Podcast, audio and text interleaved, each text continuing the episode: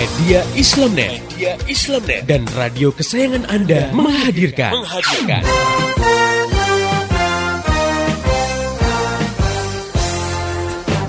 Voice of Islam. Voice of Islam. Voice of Islam. Bagaimana tidak nyaman misalnya ya kalau diterapkan hukum cambuk bagi peminum khamar sementara negara tidak menerapkan mekanisme yang melarang khamar masuk ke suatu wilayah Iya. dan diperjualbelikan. Artinya masih ada orang yang berjualan khamar dan akhirnya ada juga yang beli, akhirnya ada juga yang minum. juga Padahal yang- kalau minum dicambuk. Nah, ini Dicambuk. kan juga semacam dilema juga ya. Iya. Atau misalnya diterapkan hukum cambuk bagi yang melakukan pergaulan bebas. Nah, sementara negara sendiri tidak menghambat arus masuk pornografi dan porno aksi di suatu negeri. bahwa menangis itu yang dianjurkan nih di- dianjurkan itu menangis karena ingat dosa takut pada Allah. Nabi SAW itu pernah bersabda dalam satu hadisnya la yalijun nara rajulun baka min khasyatillah hatta ya'udal labanu fil darra'i Nabi bilang tidak akan disentuh oleh api neraka seseorang yang menangis karena takut kepada Allah Nah, tadi kalau misalnya cinta itu tidak didasarkan pada pemahaman Islam, emosional sifatnya. Ya kan? Iya, iya. Lagi disayang-sayang sama suami, dikasih hadiah banyak, beliin pakaian baru, Sayang. dibelanjain banyak, sayang. Sayang. Nah, begitu suami di PHK, nganggur satu tahun nggak dapat kerja, ini udah mulai mengikis.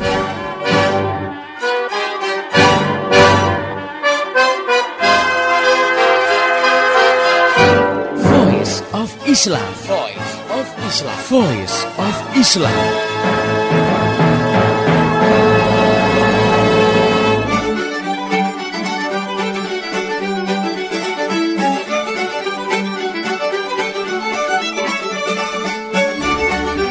Halo Indonesia, Assalamualaikum warahmatullahi wabarakatuh. Jumpa kembali dengan saya Arini Aulia dalam program Voice of Islam.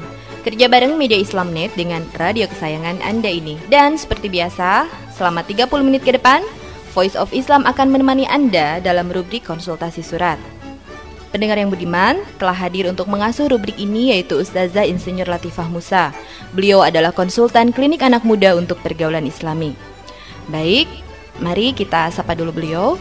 Assalamualaikum warahmatullahi wabarakatuh, Ustazah. Waalaikumsalam warahmatullahi wabarakatuh. Bagaimana kabarnya hari ini? Baik, Mbak Arini, alhamdulillah. Alhamdulillah saya juga baik-baik aja, Ustazah. Amin, alhamdulillah. Oke pendengar yang budiman, pada kesempatan ini kita akan membacakan surat yang datang dari Mursyidah dari Sabang di Nangro Aceh Darussalam. Berikut ini suratnya. Assalamualaikum warahmatullahi wabarakatuh. Saya ingin tanya bagaimana hukum KB dalam Islam? Apakah dibolehkan? Mengingat pemerintah kita sangat gencar dengan program KB. Alasannya supaya bisa membangun masyarakat yang berkualitas. Kalau boleh, apa alasannya dan kalau tidak, apa alasannya? Terima kasih dari Mursyidah di Sabang Nangro Aceh Darussalam. Demikian Ustazah surat dari Mbak Mursyidah di Sabang Nangro Aceh Darussalam. Ya. Mungkin langsung saja kita bincang-bincang dengan Ustazah Insinyur Latifah Musa untuk membahas eh, surat ini. Ya. Nah, masalah KB memang kalau menurut saya sendiri menjadi hal yang apa ya, yang sangat banyak dilakukan oleh masyarakat kita. Terutama kalau mendengar ini adalah salah satu program dari pemerintah. Nah, bisa dijelaskan mungkin Ustazah apa sih KB itu? Ya, baik Mbak Arini, kemudian Mbak Mursyidah di Sabang, ya jauh ya di ujung Iya. Indonesia. Juga pendengar yang budiman di seluruh tanah air. Mungkin kita melihat dulu apa sih yang dimaksud dengan KB ya. KB itu atau keluarga berencana itu kan yang dimaksud faktanya adalah pembatasan kelahiran ya Mbak Arini. Misalnya nih supaya antara anak pertama dengan anak kedua tidak terlalu dekat jaraknya ya. Bisa jadi supaya proses penyusuan dan pengasuhan bisa lebih optimal, maka diupayakan untuk membuat jarak kehamilan dengan program yang terencana. Jadi itu ya kalau kita lihat faktanya KB itu sendiri. Hmm, jadi ini terkait dengan penjarangan gitu ya, penjarangan Iya. keturunan antara anak satu dengan anak yang lainnya. Iya, gitu betul. ya. Nah, kemudian kalau dari sudut pandang Islam, apakah membolehkan untuk melakukan pembatasan atau penundaan kelahiran? Ya tadi yang disampaikan adalah dari penjelasan masalah KB itu. Iya, Kalau dari sisi menunda kehamilan atau membuat supaya tidak terjadi kehamilan, ya, itu hukumnya boleh saja. Nah, kebolehan ini berdasarkan ketetapan dalam hadis Rasulullah yang membolehkan azal. Jadi azal itu adalah eh, istilahnya senggama terputus ya atau seorang suami berupaya menumpahkan cairan sperma di luar rahim istrinya agar tidak terjadi pembuahan atau agar tidak terjadi kehamilan. Nah, banyak sekali hadis-hadis sahih yang terkait dengan azal ya. Salah satunya adalah dari Imam Ahmad, Imam Muslim dan Abi Daud yang telah menuturkan riwayat dari Jabir yang ia berkata, sesungguhnya seorang laki-laki pernah menjumpai Rasulullah Shallallahu Alaihi Wasallam seraya berkata, sebetulnya saya mempunyai seorang jariyah atau budak wanita. Ia adalah pelayan kami sekaligus tukang menyiram kebun kurma kami. Saya sering menggaulinya, tetapi saya tidak suka jika ia sampai hamil. Mendengar itu Nabi bersabda, "Jika engkau mau, lakukanlah azal terhadapnya." Karena sesungguhnya akan sampai juga pada wanita itu apa yang memang telah ditakdirkan oleh Allah baginya. Nah, ini jadi kalau memang tidak menginginkan ini hamil ya budak perempuan itu hamil, maka boleh saja azal gitu. Sehingga secara mutlak diambil satu hukum oleh para fukoha, azal itu boleh saja apa pun motifnya. Jadi hukumnya boleh. Nah, misalnya supaya anaknya tidak banyak ya, karena kasihan sama istrinya yang lemah ya. Misalnya istrinya secara fisik itu tidak kuat punya anak banyak ya. Iya. Misalnya juga motivasinya supaya istrinya sehat atau tetap awet muda ya, supaya anaknya jangan kebanyakan gitu. Nah, atau bisa jadi pasangan pengantin baru yang masih kuliah, yang belum ingin punya anak atau masih ingin berduaan dulu dengan istrinya. Nah, itu apa pun motivasinya, azal tetap dibolehkan. Hmm. Ya, jadi dari hukum azal inilah adanya hukum kebolehan menjarangkan atau menunda kelahiran. Hmm, begitu ya Ustazah. Nah, kemudian apa batasan yang diperbolehkan dalam program KB ini? Karena saya melihat banyak sekali cara-cara yang dilakukan dalam KB ini. Misalnya salah satunya dengan melakukan aborsi gitu Iya. Ustazah. Benar ya Mbak Arini, kenyataannya memang ada satu cara KB yang dilakukan dengan cara menggugurkan kandungan ya. Yang akhirnya ini menjadi salah satu cara program KB yang dilegalkan di bawah payung PBB. Hmm. Nah, kita harus bisa mencermati persoalan ini. Nah, kalau berangkat dari kebolehan azal, ya maka kemudian kita bisa melihat cara-cara baru, ya cara-cara baru ini yang tidak ada di masa Rasul, yang mana aja sih yang dibolehkan untuk menunda kelahiran, ya. Nah, cara-cara KB ini dibolehkan dalam batas yang tidak melanggar hukum syariat. Nah, sehingga kalau ada keharaman dalam penggunaan cara, ya dalam penggunaan cara penundaan kelahiran, maka jelas haram dilakukan. Nah, salah satunya yang diharamkan adalah aborsi. Nah, ini ya. Nah, yang dimaksud dengan aborsi ini adalah pengguguran kandungan yang lebih dari waktu yang diharamkan syariat untuk digugurkan. Hmm. Nah, dalam hal ini Islam memiliki perbedaan pandangan ya dengan kedokteran atau medis dalam menetapkan apakah benih embrio ini sudah menjadi calon manusia atau bukan. Ini ada bedanya memang. Ya kalau kita belajar di kedokteran, kemudian kita belajar fikih Islam, ini memang ada sedikit perbedaan dalam cara pandang melihat apakah ini sudah jadi benih manusia atau bukan. Nah, kalau kita memandang segi kedokteran, maka penetapannya sering kali pada ketika terjadi pembuahan. Itu sudah jadi ya. Sudah secara medis dikatakan sudah jadi calon bayi ya. Nah, sementara kalau dalam Islam ini dikembalikan kepada nas-nas syar'i karena dikembalikan kepada ketetapan Allah yang mana yang dikatakan calon manusia ini. Iya. Nah, tentang batasan aborsi, standarnya adalah pengguguran di atas 40 hari. Jadi 40 hari setelah terjadi pembuahan. Nah, umumnya pembuahan ini kalau secara medis biasanya dua minggu setelah haid, ya, maka biasanya itu waktu-waktu yang sudah bisa terjadi pembuahan. Gitu. Nah, Imam Muslim meriwayatkan dari Ibnu Mas'ud, dia berkata, "Aku mendengar Rasulullah Shallallahu alaihi wasallam bersabda, jika nutfah atau gumpalan darah telah lewat 42 malam, maka Allah mengutus seorang malaikat padanya. Lalu dia membentuk nutfah tersebut, dia membuat pendengarannya, dia membuat penglihatannya, kulitnya dan tulang belulangnya. Lalu malaikat itu bertanya kepada Allah, "Ya Tuhanku, apakah dia akan engkau tetapkan menjadi laki-laki atau perempuan?" Maka kemudian Allah memberi keputusan. Lain ditetapkan 40 malam. Nah, ya, sesuai kaidah penetapan waktu, maka kemudian diambil batasan yang terkecil yaitu 40 malam tadi. Gitu. Nah, hadis ini menunjukkan bahwa permulaan penciptaan janin dan penampakan anggota-anggota tubuhnya, bahkan penentuan apakah janin ini laki-laki atau perempuan, itu adalah setelah melewati 40 malam. Nah, sehingga penganiayaan terhadap janin ini bisa berarti tindakan pembunuhan. Ya, itu bedanya ya. Jadi kalau misalkan sebelum 40 malam itu tidak terkategori sudah jadi calon manusia belum. Oh. Ya. Sehingga kalau kita juga bisa melihat secara medis bisa jadi sebelum 40 malam ini nggak jadi. Jadi sudah misalkan positif ya ketika dites dengan tes kehamilan, tetapi Iya. kalau sebelum 40 malam ini juga belum pasti. Ini bisa jadi yang membesar plasentanya sehingga terjadi gagal, kemudian bisa terjadi kerusakan pada si janin ini kalau dia tidak kuat. Nah, jadi memang Islam menetapkan penetapan terjadinya calon janin atau manusia sesuai dengan nas-nas syariat Islam adalah sesudah 40 malam. Nah memang ya Mbak Arini, salah satu program pembatasan kelahiran yang ditetapkan oleh PBB adalah melalui legalisasi aborsi. Itu baik itu sesudah 40 malam, bahkan bisa jadi sesudah berapa bulan juga masih dibolehkan kalau memang si perempuan ini tidak menginginkan kehamilan tadi gitu. Nah yang seperti ini jelas cara-cara yang bertentangan dengan Islam, jadi jelas tidak boleh diadopsi. Itu. Oke pendengar juga Mbak Mursyidah di Sabang Nangro Aceh Darussalam. Bahasan surat kita belum selesai Jadi jangan ke mana-mana Karena saya Arini Aulia dan Ustazah Insinyur Latifah Musa Akan kembali setelah satu selingan berikut ini. Tetap setia di Voice of Islam.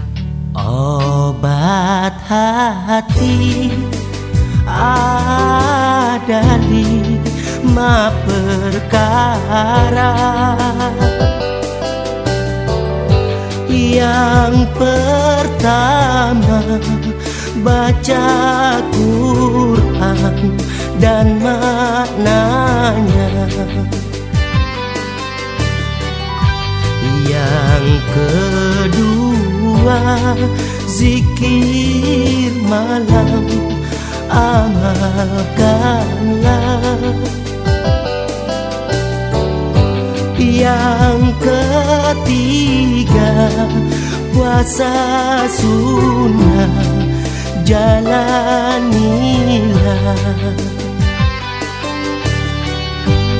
Yang keempat Sholat sunnah Lakukanlah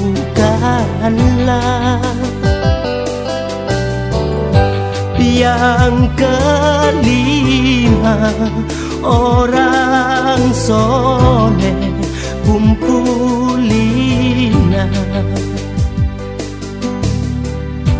Salah satunya siapa bisa menjalani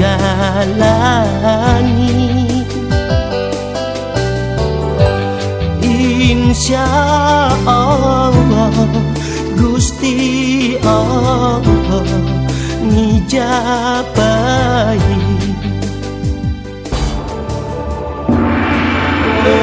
Pengumuman, pengumuman. Berikut ini akan saya bacakan pendengar Voice of Islam yang terpilih mendapatkan bingkisan dari Voice of Islam. Dengarkan.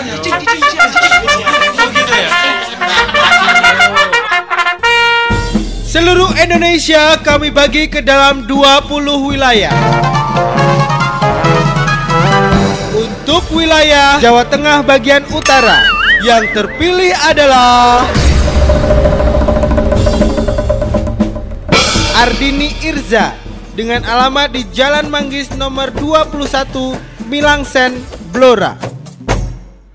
Ucaplah Alhamdulillah Syukur kita kepada Allah Selamat kepada pendengar terpilih. Terpilih. Bingkisan untuk Anda silakan diambil di radio di mana Anda biasanya mendengarkan Voice of Islam. Voice of Islam. Untuk wilayah yang lain, besok, besok, besok.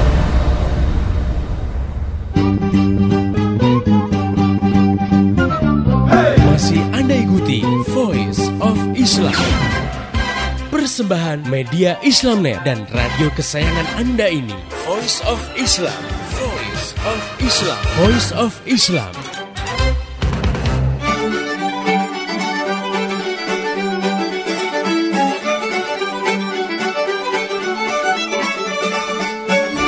Masih di Voice of Islam, kerja bareng media Islamnet dengan radio kesayangan Anda ini. Masih bersama saya, Arini Aulia dan Ustazah Insinyur Latifah Musa dari Konsultan Klinik Anak Muda untuk Pergaulan Islami.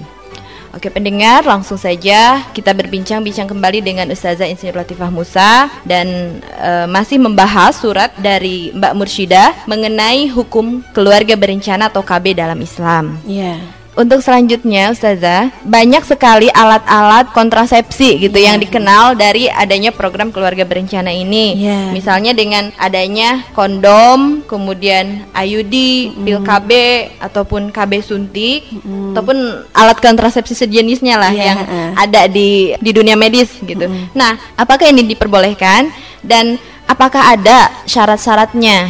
Ya.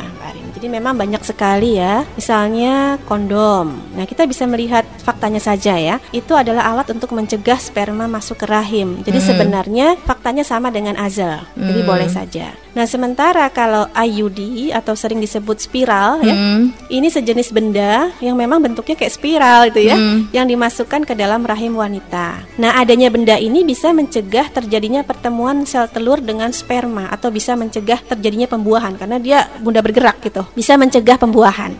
Hmm. Nah, Walaupun ada faktor kegagalan, artinya bisa saja ada wanita yang masih bisa hamil walaupun menggunakan spiral, bisa ya.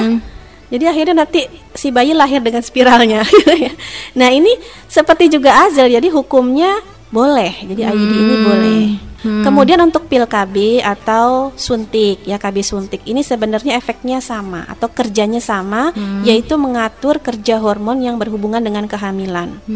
Jadi sebenarnya yang terjadi adalah mengganggu kerja hormonnya itu. Nah, sehingga kalau ada wanita yang menggunakan pil KB atau KB suntik ini jelas sangat berkurang kesuburannya ketika menggunakan alat kontrasepsi ini. Nah, sebenarnya tidak masalah ya, tidak masalah hal ini dilakukan selama penggunaan alat kontrasepsi ini tidak menyebabkan kemudorotan pada diri wanita tadi. Ya, misalnya kalau penggunaan KB suntik atau pil, kadang ada wanita-wanita yang jadi sakit-sakitan ya Iya. karena terganggu hormon. Mm-mm. Ini berpengaruh pada kesehatan dia. Jadi misalnya dia sampai pegel-pegel, dia pusing-pusing ya badannya nggak enak. Nah maka khusus pada wanita tadi itu tidak boleh dilakukan, bahkan bisa sampai jatuh haram karena menyebabkan kerusakan. Hmm. Nah ini berdasarkan hadis Nabi, la dororo wala diroro. Jadi jangan menyebabkan doror atau jangan mendatangkan doror gitu. Ya jadi karena alat kontrasepsi ini bisa menyebabkan badan jadi sakit tadi karena Iya. gangguan hormon, ya maka bagi wanita tadi jangan dilakukan. Nah, tapi bisa jadi pada wanita yang kebal ya, yang lain itu tidak apa-apa Iya. ya. Jadi dia sih normal-normal aja menggunakan alat kontrasepsi itu, maka boleh bagi dia gitu. Hmm, iya, iya. Jadi syaratnya itu asal jangan mendatangkan mudorot atau Ya, eh, efek yang negatif ya kerusakan untuk iya. diri wanita tadi gitu Ya, ya atau yang iya. menggunakan alat kontrasepsi tersebut. Mm-mm. Lantas Ustazah, bagaimana masalahnya dengan tubektomi? Ya, memang ada program KB yang dengan tubektomi itu untuk wanita ya. Iya. Kemudian kalau pada laki-laki vasektomi. Nah, apa pun caranya, baik itu dilakukan dengan mengikat saluran. Kalau pada laki-laki saluran yang sperma, kemudian pada perempuan saluran telur ya, itu dipandang sebagai upaya menghentikan kehamilan secara permanen. Jadi sebenarnya kasusnya sama dengan pengebirian. Hmm. Ya kalau diikat kan memang dia bisa dibuka lagi, tapi kita operasi lagi nanti kalau buka. Jadi sebenarnya Iya. kan itu cukup permanen ya. Iya. Nah, ini sama dengan pengebirian dan ini tidak boleh dilakukan. Hmm. Ya, jadi hukumnya bisa jatuh haram karena sama-sama dapat memutus keturunan. Nah, kalau pada alat KB yang lain ya Mbak Arini ini masih Iya. berpeluang hamil karena tetap ada risiko gagal KB. Oh, ya, iya, jadi iya. bisa jadi orang pakai spiral hamil, orang pakai pil juga banyak yang bisa Iya. masih bisa hamil ya, atau disuntik juga masih bisa hamil. Nah, Iya. Tapi kalau tubektomi dan vasektomi itu 100% berhasil biasanya, kecuali kalau ngikatnya nggak nggak kuat Nggak kenceng gitu ya. Tapi kan nggak bisa ya, kadang-kadang orang standar tubektomi kan harus diikat supaya nggak keluar itu, tidak keluar apa supaya bisa terputus jalan sel telur itu. Jadi ini sama dengan memutus kehamilan secara total. Kalau hukum Islam memang tidak membolehkan. Nah, ada lagi nih Ustazah istilah lain. Wah, banyak sekali ya ini. Iya. ada istilah susuk KB. Iya. Nah, ini apakah sama dengan alat kontrasepsi yang lain atau ada unsur mistisnya? Karena kok ini namanya kok nama susuk gitu ya, Iya. digunakan nama susuk. Nah, ini seperti apa Ustazah? Iya, memang sering ada yang bertanya ya ke saya, ini susu KB ini pakai gaib-gaib enggak sih gitu. Jangan-jangan ada peletnya gitu ya. Nah, ini memang istilah susuk digunakan karena memang dipakainya di bawah kulit ya. Tetapi ini tidak sama dengan susuk ilmu pelet, tidak, tidak syirik gitu. Karena namanya saja yang Cuman susuk. istilahnya aja Iya, gitu istilahnya ya. susuk karena dipakainya di bawah kulit. Oh. Nah, tapi sistem kerjanya sama dengan mengacau hormon. sama dengan suntik tapi memang lebih lama ya. Jadi kalau misalnya dengan KB, pil KB orang harus setiap hari minum.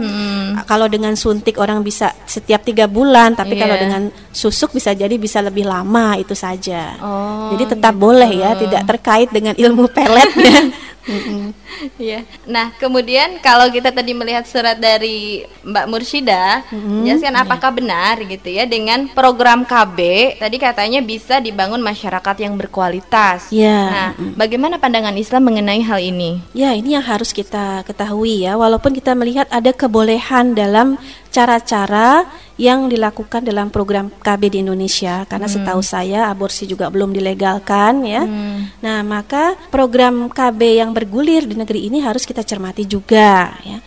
Nah, saya melihat program KB yang bergulir di negeri-negeri muslim itu sebenarnya diadopsi dari kebijakan kepemimpinan kapitalisme global.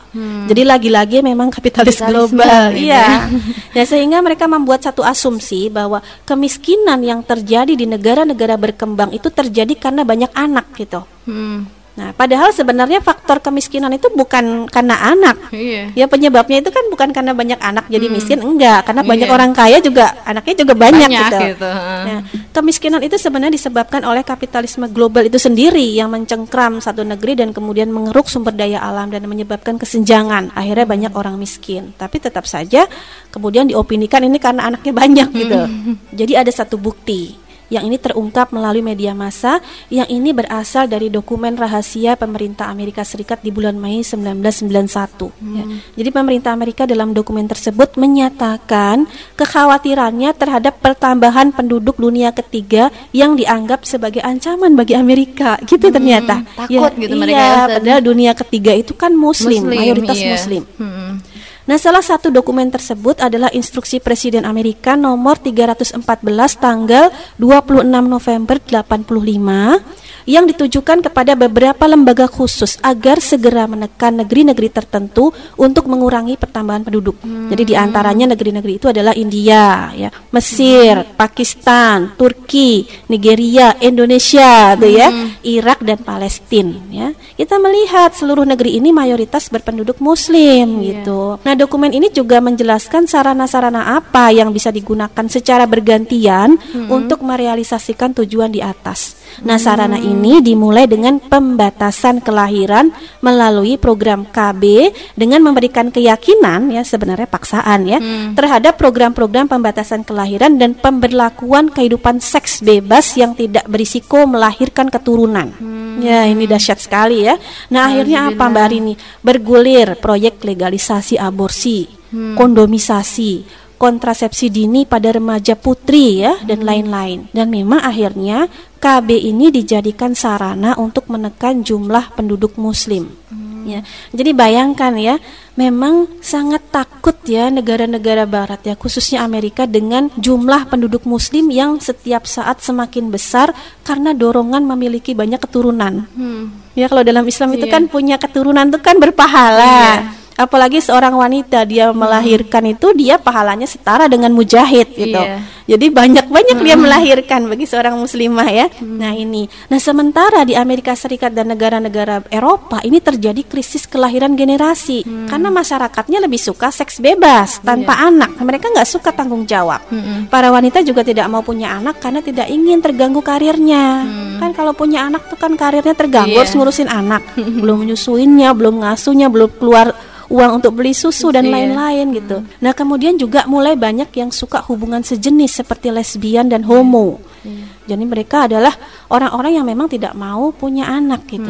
Nah, ini yang mengkhawatirkan Amerika dan negara-negara Eropa sementara mereka melihat kok jumlah penduduk muslim kok semakin lama semakin Meningkat, membengkak dan gitu ya. bertambah dan ini adalah ancaman bagi dunia barat. Nah, ini ya mengapa kemudian program KB juga dijadikan sebagai sarana untuk menekan jumlah penduduk muslim. Terlepas dari memang KB itu pada cara-cara tertentu memang dibolehkan dalam Islam. Tapi ada sesuatu yang lain sehingga ini sangat gencar ya disuarakan di negeri muslim dan kalau di negeri-negeri barat di Eropa itu justru orang disuruh punya anak, malah dikasih uang supaya mau Iya. punya anak gitu. Nah, ini kenapa kok begitu gencar di negeri-negeri muslim? Jadi ada misi di balik semua itu ya. Iya, benar. Ya. Oke, pendengar yang budiman dan juga Mbak Mursyida itu tadi penjelasan mengenai surat yang telah disampaikan. Mudah-mudahan jelas ya apa yang telah kita bahas pada kesempatan kali ini. Oke, buat pendengar yang ingin bertanya, memberikan saran, kritik dan masukan, Anda bisa kirim surat ke radio kesayangan Anda ini atau bisa melalui SMS ke 0856 94924411 atau juga melalui email ke mediaislamnet@yahoo.com. Dan untuk informasi lebih lanjut mengenai Voice of Islam, radio-radio di seluruh Indonesia yang menyiarkannya, topik-topik yang akan dibahas dan juga info lainnya, Anda bisa klik di www.gaulislam.com. Saya Arini Aulia dan seluruh kerabat kerja yang bertugas mengucapkan terima kasih kepada Ustazah Insinyur Latifah Musa atas penjelasannya. Sama-sama Mbak Rini, alhamdulillah. Dan terima kasih juga buat pendengar yang telah setia mengikuti acara ini. Pesan saya, sampaikan apa yang Anda peroleh dari acara ini kepada yang lain, agar rahmat Islam ini bisa segera tersebar luas, termasuk di kota Anda yang tercinta ini. Dan esok hari, insya Allah, Voice of Islam akan kembali hadir di waktu dan gelombang yang sama. Mari menimbang masalah dengan syariah. Assalamualaikum warahmatullahi wabarakatuh. Demikian tadi Voice of Islam. Voice of Islam. Semoga hikmah yang terkandung bermanfaat untuk kita semua. Amin amin amin ya robbal alamin. Kembali bisa Anda dengarkan Voice of Islam. Voice of Islam menghadirkan topik-topik seputar kehidupan kita esok hari di waktu dan gelombang yang sama.